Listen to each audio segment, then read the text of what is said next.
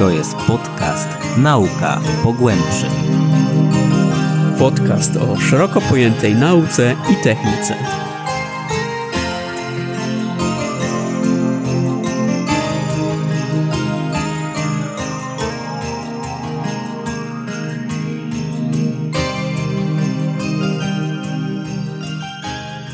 Mamy dla Was bardzo ważną informację.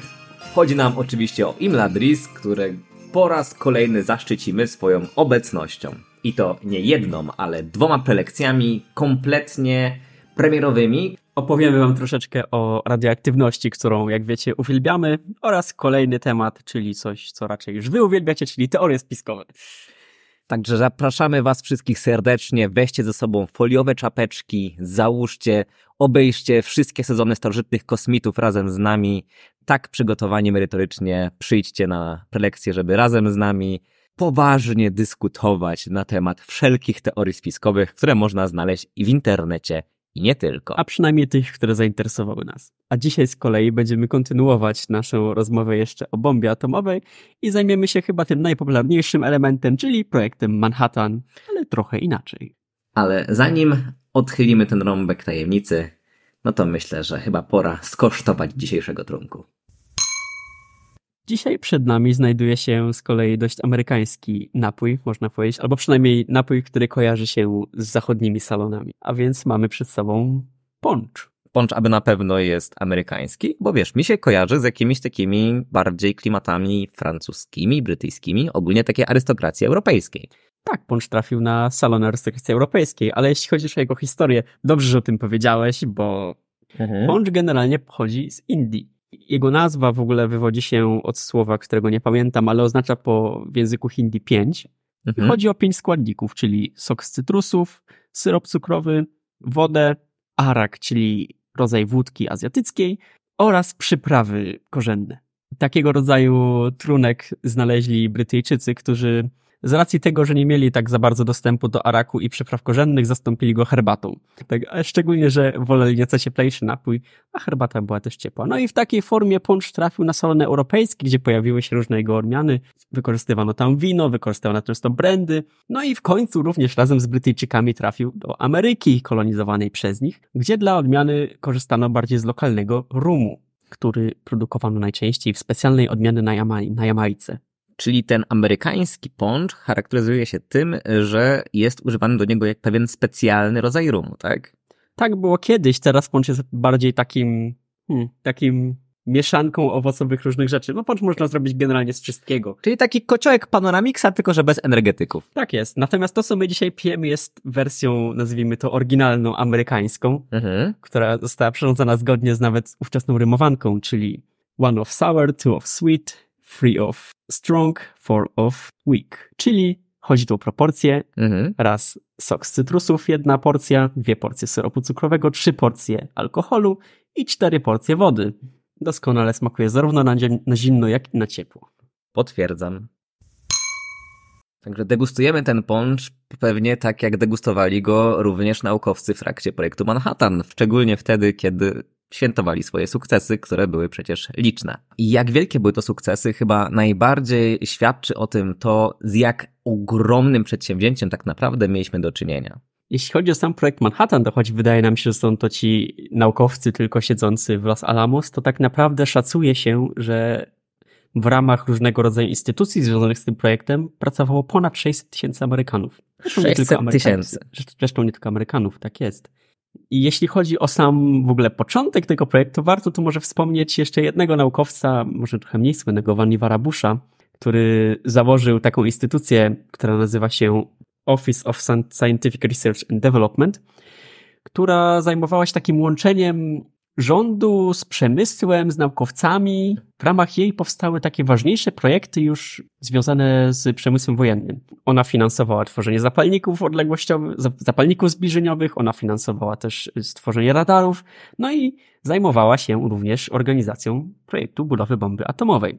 Był to więc ogromny projekt, który obejmował różnego rodzaju misje związane z wywiadem, związane też z kontrwywiadem, związane z przygotowaniem samej misji już w warunkach polowych. Musimy pamiętać o tym, że projekt Manhattan był tak naprawdę projektem ściśle tajnym, a pomimo tego brało w nim udział 600 tysięcy osób.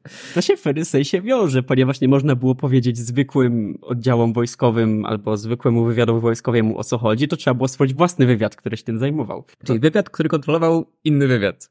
Też swój. Nie tyle kontrolował, ile prowadził własne misje. Okej. Okay. To może jest troszeczkę inny temat, ale jeśli wrócimy sobie znowu do Stanów Zjednoczonych, jedna rzecz, która się nam mówi w tym rozmachu jest to, ile mieliśmy w ogóle lokalizacji. Przecież mieliśmy to właśnie wspomnieć Los Alamos, które było tym zamkniętym miasteczkiem naukowców. Mieliśmy Oak Ridge i Hanford, gdzie zajmowano się produkcją uranu oraz plutonu. Mhm. No i mieliśmy też e, różnego rodzaju inne instalacje. Przecież trzeba było też to wszystko pozyskać. Dlatego tutaj tak istotna była ta współpraca między różnymi ośrodkami. Mhm. Jeśli mówimy o przemysł, to tutaj między innymi pojawiła się firma DuPont, która była firmą zajmującą się produkowaniem czynników chemicznych do produkcji amunicji, do produkcji materiałów wybuchowych. I to jej zlecono zadanie, żeby stworzyć reaktor, który miałby zajmować się produkcją plutonu. Mhm. Co ciekawe, firma ta nie za bardzo chciała się udzielać w, produk- w stworzenie takiej broni, szczególnie, że miała negatywny PR po I wojnie światowej. Ciekawe, po czyjej stronie była. w związku z czym zgodzili się dopiero po bezpośrednim telefonie od prezydenta Stanów Zjednoczonych i powiedzieli, że generalnie, żeby nie mówić, że zarabiają na czymś takim, zrobili to za symbolicznego dolara i mhm. oddali wszystkie patenty rządowi. Z drugiej strony mamy Kalex Corporation, który był y, oddziałem większej firmy zajmującej się inżynierią chemiczną. Mhm. Oni z kolei mieli stworzyć system do wzbogacania uranu czyli oddzielania cząsteczek tych dwóch wspomnianych już wcześniejszych naszych odcinkach izotopów 235 i 238. No i tutaj też stworzono ogromny reaktor. Wybrano ostatecznie metodę dyfuzyjną, czyli przepuszczano ten uran przez kolejne siateczki, mhm. bardzo, bardzo malutkie siateczki. Sita molekularne. Tak, no można tak powiedzieć sita. I co ciekawe, musiało być tak dużo tych warstw, że rury, przez które to przypuszczano miały, cytuję, kilkaset mil długości. Także też był ogromny projekt i w obu tych przypadkach pracowało już tysiące osób przy tym. Tylko o dwóch firmach na razie. Tak, tylko o dwóch firmach. Jeszcze z takich bardzo istotnych, to na pewno warto wspomnieć firmach wydobywczych, które zajmowały się mhm. wydobywaniem uranu na terenie Ameryki. Natomiast co ciekawe, amerykańskie złoże były dość ubogie i tutaj... No właśnie, skąd sprowadzali? Tutaj przyszła bardzo ciekawa pomoc od pewnego belgijskiego przedsiębiorcy, który zorientowawszy się w latach 30., że uran może być cenny, otworzył kopalnię uranu w Kongo, w belgijskim. Historia jest bardzo ciekawa, bo obawiając się tego, że Kongo może zostać przejęte przez oś, uciekł on do Nowego Jorku, zabierając ze sobą większość swoich zapasów uranu. I w zasadzie można powiedzieć, że potajemnie przetransportował i schował w Nowym Jorku chyba 2000 ton uranu, jeśli dobrze pamiętam. Potajemnie schował 2000 ton uranu. Postanowił później sprzedać jego po taniości rządowi Stanów Zjednoczonych, później jeszcze wydobywano z jego kopalni kolejne porcję uranu mhm. i został on w ogóle został odznaczony e, Medal of Merit, czyli mhm. orderem za zasługi i był pierwszy nieamerykański obywatel i cywil, który został tym odznaczony. Oznaczono go za to, że przemycił 2000 ton uranu do Stanów Zjednoczonych. Chyba oznaczono go za to, że sprzedał go po taniości, mi się wydaje. Właśnie powiedziałeś, jak to wyglądało z współpracy z firmami, a jak to było we współpracą z uczelniami, bo z tego co wiemy, właśnie na przykład na filmie pokazywali, e, że bardzo dużo naukowców z na przykład Chicago e, potem wylądowało w Los Alamos. Nawet nie musieli tam wylądować, bo tak naprawdę istniała współpraca między uczelniami. Bardzo dużo uczelni współpracowało również z tym projektem. Chyba najpopularniejszy to Uniwersytet w Kalifornii, z laboratorium Berkeley słynnym. No i oczywiście Uniwersytet Chicago, gdzie Fermi budował swój reaktor pierwszy mm -hmm. testowy. No ale oprócz tego przewijały się tam również takie miejsca jak MIT słynny, Harvard, Uniwersytet w Nowym Jorku i tym podobne. Także badania prowadzono na wielu uczelniach. A jako, że prowadzono je na wielu różnych uczelniach, to też w projekcie tym brali udział ludzie o różnych narodowościach. I oczywiście wśród tych ludzi znaleźli się również Polacy, których jak wiadomo można znaleźć absolutnie wszędzie. Chyba najsłynniejszym przedstawicielem Polaków w tym projekcie jest Stanisław Ulam, prawda? Prawda. Słynny polski, wybitny matematyk. I właśnie dlatego dzisiaj o nim sobie nie powiemy. Ponieważ myślę, że to jest dosyć słynna postać, taka, o której bardzo łatwo można znaleźć informacje. Dzisiaj tymczasem chciałbym wspomnieć o trzech innych naukowcach, nie tak znanych jak słynny Stasiu. Chodzi mi mianowicie o na przykład doktora Gerarda Pawlickiego, czyli syna polskich imigrantów, który wychował się w Stanach Zjednoczonych, ale językiem polskim oczywiście władał, który był m.in. konstruktorem pierwszego reaktora jądrowego, bo współpracował właśnie ze wspomnianym wcześniej Enrico Fermim. Ponadto dr Pawlicki brał też udział przy pierwszych eksplozjach na atolach Bikini, co się na nich działo i jakie fakapy tam się e, odwalały, to zapraszamy do poprzedniego odcinka a po wojnie pracował naukowo dalej w tej tematyce i zajmował się analizą rdzenia reaktora jądrowego i badał, co dokładnie zachodzi wewnątrz tego jądra, wewnątrz samym środku tej reakcji atomowej, żeby móc jeszcze lepiej zrozumieć cały proces wybuchu. Kolejnym z takich geniuszy, którzy pracowali nad tym projektem, był inżynier Marion Edward Cieślicki. Pan Marion Natomiast zajmował się takimi bardziej inżynierskimi sprawami, no i rzeczywiście był on, pracował on przy budowie reaktoru, przy budowie mm, maszyn, które zajmowały się osiąganiem masy krytycznej i ogólnie inicjowaniem wybuchu bomby, czyli takich zapalników, które właśnie prowadziły do inicjacji wybuchu bomby atomowej. I co ciekawe, był on też jedną z osób, która brała udział w takim, no, słynnym, niesłynnym wypadku, który się wydarzył właśnie w Los Alamos podczas badań nad e, masą krytyczną, którą się im przez przypadek udało osiągnąć w niekontrolowanych warunkach. No i wtedy niestety doszło do rozszczelnienia i po prostu do napromieniowania osób, które się znajdowały wtedy w tym pomieszczeniu. Wtedy tam, z tego co było chyba zapisane, było 8 osób w tym laboratorium. No i niestety właśnie e, pan Marion był jedną z osób, które zostały napromieniowane promieniowaniem gamma i beta przeżył to. E, był tam oczywiście z poparzeniami w szpitalu, w którym oczywiście nie mógł powiedzieć, co się wydarzyło, ale... E, Może był w szpitalu w Los Alamos specjalnie do tego zrobiony. Właśnie, ponoć nie. Okay. Gdzieś na zewnątrz ich musieli przetransportować. No ale przeżył i po wojnie zajął się już przemysłem metalurgicznym i na przykład to on e, opatentował stop urannikiem. Co ciekawe, było parę takich, gdzie doszło do napromieniowania pracowników. Wydaje się, że parę osób rzeczywiście jednak zmarło w związku z tymi bardzo drobnymi pomyłkami, często w stylu on stał się śrubokręt. No jakby i tak zmarło mniej osób niż w budowach piramid.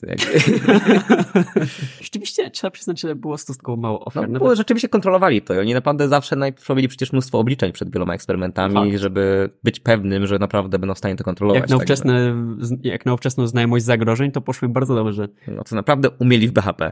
No i ostatnim z naukowców, o których chciałbym dzisiaj wspomnieć, jest pewien pan Przekoks, profesor Emil J. Konopiński, który ogólnie jest współautorem koncepcji bomby jądrowej i termojądrowej, czyli powiedzmy jest też takim jednym z cichych ojców bomb, ogólnie bomb jądrowych. Mam wrażenie, że Polacy dużo mieli wspólnego z bronią termojądrową. Też mi się tak wydaje. Myślę, że gdyby e, Warszawa była wtedy trochę lepszym stanie, być może tam byłoby nasze polskie Los Alamos. Może.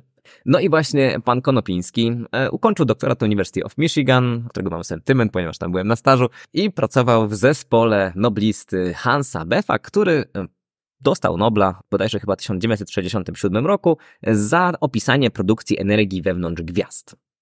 No i później pan Konopiński, już właśnie w trakcie współpracy z, w ramach projektu Manhattan pracował z Enrico Fermim nad budową reaktora oraz pracował także z Robertem Oppenheimerem, będąc jednym z jego najbliższych współpracowników, gdzie właśnie pracował nad teoretycznymi podstawami działania bomby jądrowej. Co ciekawe, obok właśnie Edwarda Tellera i Cloyda Marvina Juniora był jednym z autorów pracy, która pokazała, że eksplozja broni jądrowej albo termojądrowej nie spowoduje zapalenia się atmosfery. Ci, którzy oglądali film uważnie, rzeczywiście był taki moment, w którym oni się zastanawiali, czy jak wysadzą ten ładunek, czy po prostu nie zniszczą całego świata i były dosyć poważne rozterki bohaterów z tym związane. I tam chyba nie wspominali pana Konopińskiego, no ale tutaj oddajemy mu honor, że rzeczywiście on był jednym z tych naukowców, który obliczył to wszystko i udowodnił, że jednak wybuch bomby atomowej świata nie zniszczy. Ponadto profesorowi Konopińskiemu przypisuje się również pomysł wykorzystania trytu, czyli jednego z izotopów wodoru, który zawiera dwa neutrony i jeden proton, jako elementu broni termojądrowej, którą zresztą później zrealizowano. Tryt jest bowiem jednym z kluczowych składników każdej bomby tego typu oraz podstawowym paliwem do prac eksperymentalnych nad reaktorami fuzyjnymi, włącznie z tym, który jest zbudowany obecnie we Francji. Także być może to właśnie dzięki odkryciu i pomysłowi Polaka, polskiego profesora polskiego pochodzenia, będziemy w stanie kiedyś okiełznać fuzję termojądrową i czerpać z niej energię. Zaczęliśmy mówić już tutaj trochę o postaciach, które brały w tym udział, to w zasadzie można powiedzieć, co te osoby, które były tam zaangażowane, robiły też w czasie wolnym. Bo to też dość, myślę, interesujący temat, szczególnie w Los Alamos, które było takim zamkniętym miastem naukowym. Głównie dzieci. No właśnie, zaspoilerowałeś, bo rzeczywiście je, śmieje, można się śmiać, że jednym z głównych zajęć naukowców, którzy, naukowców i ich rodzin, którzy byli tam zamknięci, bo warto powiedzieć, że zaprowadzono tam całe rodziny, mhm. było robienie dzieci. Był tam istotny baby boom. ale bardzo muszę... Produkowali nie tylko bomby atomowe. dzieci, ale bardzo bawią mnie cytaty, jak argumentowali to dlaczego chcieli mieć tam dzieci. Hmm? Mianowicie często wspominali to, że było to bardzo bezpieczne miejsce i zastanawiam się, czy Ameryka lat 40. nie była jednak równie, równie dzika jak teraz. Jak Łódź teraz. jak Łódź teraz, szczególnie, że tam były cytaty w stylu y, w Los Alamos nie mogą zdarzyć się porwania. Mhm. Nie wiem, porywanie dzieci wydaje mi się trochę abstrakcyjne, ale nie wiem, skąd się tego obawiali wtedy. W związku z tym pojawiło się trochę rzeczy do zrobienia, mianowicie trzeba było zbudować szkołę, mhm został rozbudowany szpital, szczególnie o taką część dziecięcą. W tych miejscach często swoje zatrudnienie znajdowały właśnie rodziny naukowców. Ich żony były nauczycielkami, tam czasami również personel inżynierski czy wojskowy też zajmował się nauczaniem. Także to dawało również sporo zajęć całej obsłudze. O czym może warto wspomnieć, to też o rekreacji tutaj pijemy punch, no oczywiście nie bez powodu, ponieważ punch był głównym elementem imprez na, w Los Alamos. Zresztą mhm. jak wspominają uczestnicy, alkohol lał się tam naprawdę strumieniami, dlatego że szczególnie naukowcy, którzy czuli rozterki moralne pracując nad bombą oraz jakby nie mogą porozmawiać nad własnymi rodzinami, czym dokładnie, nad czym dokładnie pracują, znajdowali ukojenie chlejąc poncz, co oczywiście bardzo istotne. Alkohol do ponczu często zabierali z labu. No, w końcu etanolu pewnie mieli pod dostatkiem. mieli, mieli. Oczywiście jak szli podebrać trochę alkoholu w trakcie, to zdarzały się również przypadki tragiczne, mhm. gdzie po prostu brano nie tą butelkę, co trzeba, dochodziło do zatruć i w zasadzie trzy osoby zmarły, zatruwając się czymś, co miało być alkoholem w ponczu. Oprócz tego zorganizowano im różnego rodzaju inne atrakcje, mieli oni swoje własne radio, mieli też dwa tak, budynki, tak zwane teatry. W jednym z nich generalnie puszczano tylko filmy kinowe. Mhm. W drugim z nich oprócz filmów działo się wszystko. Był to budynek wielofunkcyjny. Pracownicy zajmujący się obsługą y, często żartowali, że w zasadzie co noc musieli zmieniać przeznaczenie tego budynku, bo jednego dnia odbywał się tam mecz w siatkówkę, drugiego dnia msza, a trzeciego dnia potańcówka. Także działo się tam masa rzeczy. Było dużo ludzi utalentowanych muzycznych, muzycznie, mhm. także mieli tam swoją orkiestrę zrobioną z pracowników, mieli swoje kółko teatralne. Mhm. A co ciekawe, również pracownicy wojskowi stworzyli zespół do potańcówek, który przetrwał w ogóle całą historię Los Alamos i po wojnie był, robił karierę już w Santa Fe. Wspomniałeś przed chwilą o tym, że razem z naukowcami często przybywały do Los Alamos także ich żony. No i trzeba wspomnieć o tym, że kobiety w Los Alamos pełniły role także bardziej naukowe niż jedynie nauczycielek w szkołach czy też na przykład pielęgniarek, czy lekarek w okolicznych szpitalach. Co ciekawe, było to wymuszone przez, często przez przełożonego, czyli generała Groovesa, który stwierdził, że jakby szkoda marnować zasoby ludzkie, niech każdy coś robi. Dokładnie tak. I o czym też warto wspomnieć, wielu mężczyznom wtedy to było mocno nie na rękę. I często te panie musiały się mocno walczyć o to, żeby rzeczywiście pracować w laboratoriach, a nie właśnie jako sekretarki. Tutaj jednym z takich przykładów pani, która właśnie walczyła o swoje, jest y, Lily Horning, która była urodzoną w Czechosłowacji uciekinierką, kiedy naziści zagrozili jej rodzinie, że wywiozą ich do obozu koncentracyjnego. Po drodze zrobiła jeszcze magistra z chemii na Harvardzie, no i potem wyskowała do Roberta Oppenheimera, który chciał obsadzić ją w roli sekretarki, a Lily na to odrzekła, że ona nie potrafi pisać na maszynie, ale za to jest świetnym chemikiem co mu chętnie udowodni. No i jak powiedziała, tak zrobiła. I pracowała potem w laboratoriach chemicznych, gdzie rzeczywiście wykorzystywała swoje talenty do tego, żeby przyspieszyć pracę nad bombą atomową, ale co ciekawe, była ona także jedną z bardziej pacyfistycznych osób w tych kręgach naukowych i była jednym z twórców pewnej petycji, która powstała właśnie już pod koniec budowy bomby atomowej. Chciała wymóc na e, osobach decyzyjnych, żeby tą bombę spuścić gdzieś oczywiście mówimy o Japonii, na tereny niezamieszkane, wyłącznie jako straszak. No jak wiemy wszyscy z historii, niestety się nie udało. Ale pani Lee się nie poddała i miała w sobie cały czas taką silną działaczkę, która już też po wojnie po, po prostu zamieniła się w bardzo potężną adwokatkę kobiet e, w nauce i ogólnie propagowała naukę, nauki ścisłe wśród kobiet. Założyła też e, organizacje, które walczyły z dyskryminacją kobiet w akademii. Mamy też kobiety trochę bardziej znane, może szerszemu odbiorcy. Leona Woods Marshall Libby, bardzo długie imię nazwisko, która właśnie pracowała z Enrico Fermi, była jednym z jego głównych asystentek i pomagała mu przy konstrukcji bomby atomowej, gdzie obserwowała, zajmowała się obserwacją strumienia neutronów, które wytwarzane są w trakcie całej reakcji. No i właśnie była też świadkiem tego pierwszego udanego uruchomienia reaktora atomowego właśnie w Fermilabie, tam w, na University of Chicago. Co też widzieliśmy w filmie. Kolejną z takich ciekawych osób jest Lisa Meitner. I co ciekawe, właśnie o, Lisem, o Lisie Meitner bardzo dużo się mówiło w, w, gazetach po już wybuchu bomby atomowej. Tam było mnóstwo jakby zafałszowanych informacji, ponieważ zgodnie z mediami było podawane, że ona pracowała w projekcie Manhattan. Tak naprawdę Lisa Meitner, kiedy tylko dowiedziała się, że jej odkrycia związane z e, właśnie teoretycznymi wyjaśnieniami zjawiska rozszczepienia atomowego, bo ona pracowała właśnie z Otto Frischem, tym, e, żeby to wyjaśnić. I chyba była emigrantką w Szwecji, jeśli, tak. jeśli dobrze pamiętam. Potem mieszkała w Szwecji przez większość swojego życia. Ona była bardzo, bardzo, bardzo anty, że tak antybombowa, żeby tak to ujmę. Bo nie antyatomowa.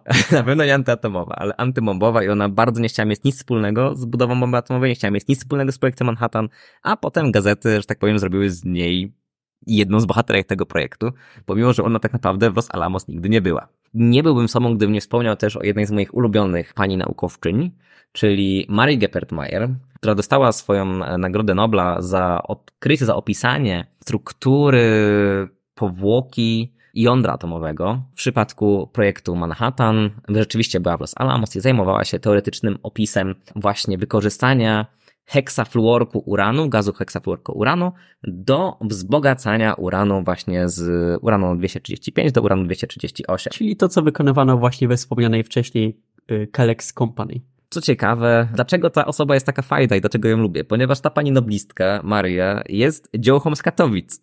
Na, urodziła się przed wojną właśnie w obecnych Katowicach. To nie tak daleko od nas. Który jest nie tak daleko od nas, miejsca, z którego my pochodzimy. Poza tym, że właśnie dostała Nobla za to odkrycie tego jądra atomowego, no to też zawdzięczamy jej na przykład całą dziedzinę właściwie optyki nieliniowej, ponieważ opisała też teoretycznie w swojej pracy doktorskiej, że istnieje coś takiego jak absorpcja dwufotonowa, na której między innymi opiera się mój doktorat, dlatego ja ją bardzo lubię. Wiem, że w Katowicach mają nawet mural z tą panią, bardzo, bardzo zasłużony, no bo e, rzeczywiście była świetnym naukowcem. Też była jednym, powiedzmy, w tamtych czasach jeszcze musiała mocno przecierać szlaki kobiet w akademii i tak się rozpychać trochę łokciami, żeby ją uznawali za równą sobie. No ale myślę, że z takim, z taką głową i z takimi pomysłami to nie było aż takie trudne.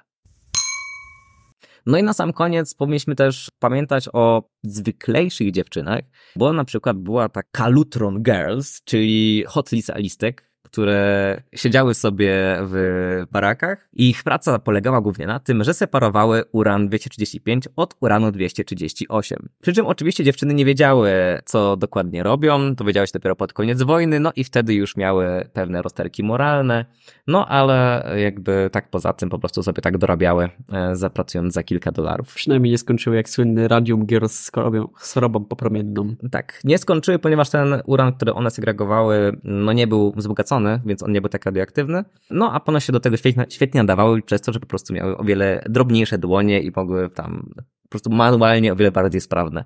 To może jeszcze a propos kobiet warto wspomnieć o jednej ich roli, czyli tak zwany Human Calculator Program, mhm. gdzie mniej wykwalifikowane zajmowały się po prostu przeprowadzaniem obliczeń na różnego rodzaju liczydłach dla naukowców. Czyli komputer w Los Alamos był kobietą. Przynajmniej przez pewien czas, bo później pojawiły się już pierwsze komputery elektryczne no, które poniekąd też chyba leciutko wywodzą się z projektu Manhattan, aczkolwiek aż tutaj nie chciałbym wchodzić w takie szczegóły. Ale chyba korzystali z jakichś tam tak, podstawowych, właśnie z IBM-ów, tak. nie? A dla osób, które chciałyby więcej dowiedzieć się na temat tych wspaniałych kobiet, które pracowały przy projekcie Manhattan, Departament Energii Stanów Zjednoczonych przygotował kolorowankę, do której link umieścimy na pewno gdzieś w poście dotyczącym naszego podcastu. Możecie sobie wydrukować e, te panie, o których dzisiaj opowiadaliśmy. i pokolorować w domu w wolnej chwili, żeby się odstresować. Udało nam się więc dzisiaj zarysować ten ogromny rozmach, jaki torzy projektowi Manhattan, wspominając tutaj najróżniejszych partnerów przemysłowych, partnerów naukowych. A nawet partnerki naukowców, którzy pracowali w projekcie Manhattan. Które też miały tam swój ważny udział. No i też porozmawialiśmy sobie o tym, jak spędzali oni czas wolny, a więc pewnego rodzaju atrakcje, które zostały im zapewnione. Rozmnażanie.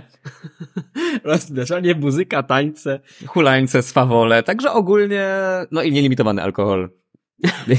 co, co się dało zebrać z labu, to się dało zebrać z labu. Także dowiedzieliśmy się dzisiaj, że naprawdę wiele wspaniałych osób pracowało przy projekcie Manhattan i było to ogromne przedsięwzięcie, które naprawdę, że aż dziw, że udało się utrzymać tajemnicy, skoro pracowało przy nim, kurde, 600 tysięcy osób z całych Stanów Zjednoczonych. Z tą tajemnicą też różnie generalnie bywa, chociaż jedni nie wiedzieli, co robią drudzy.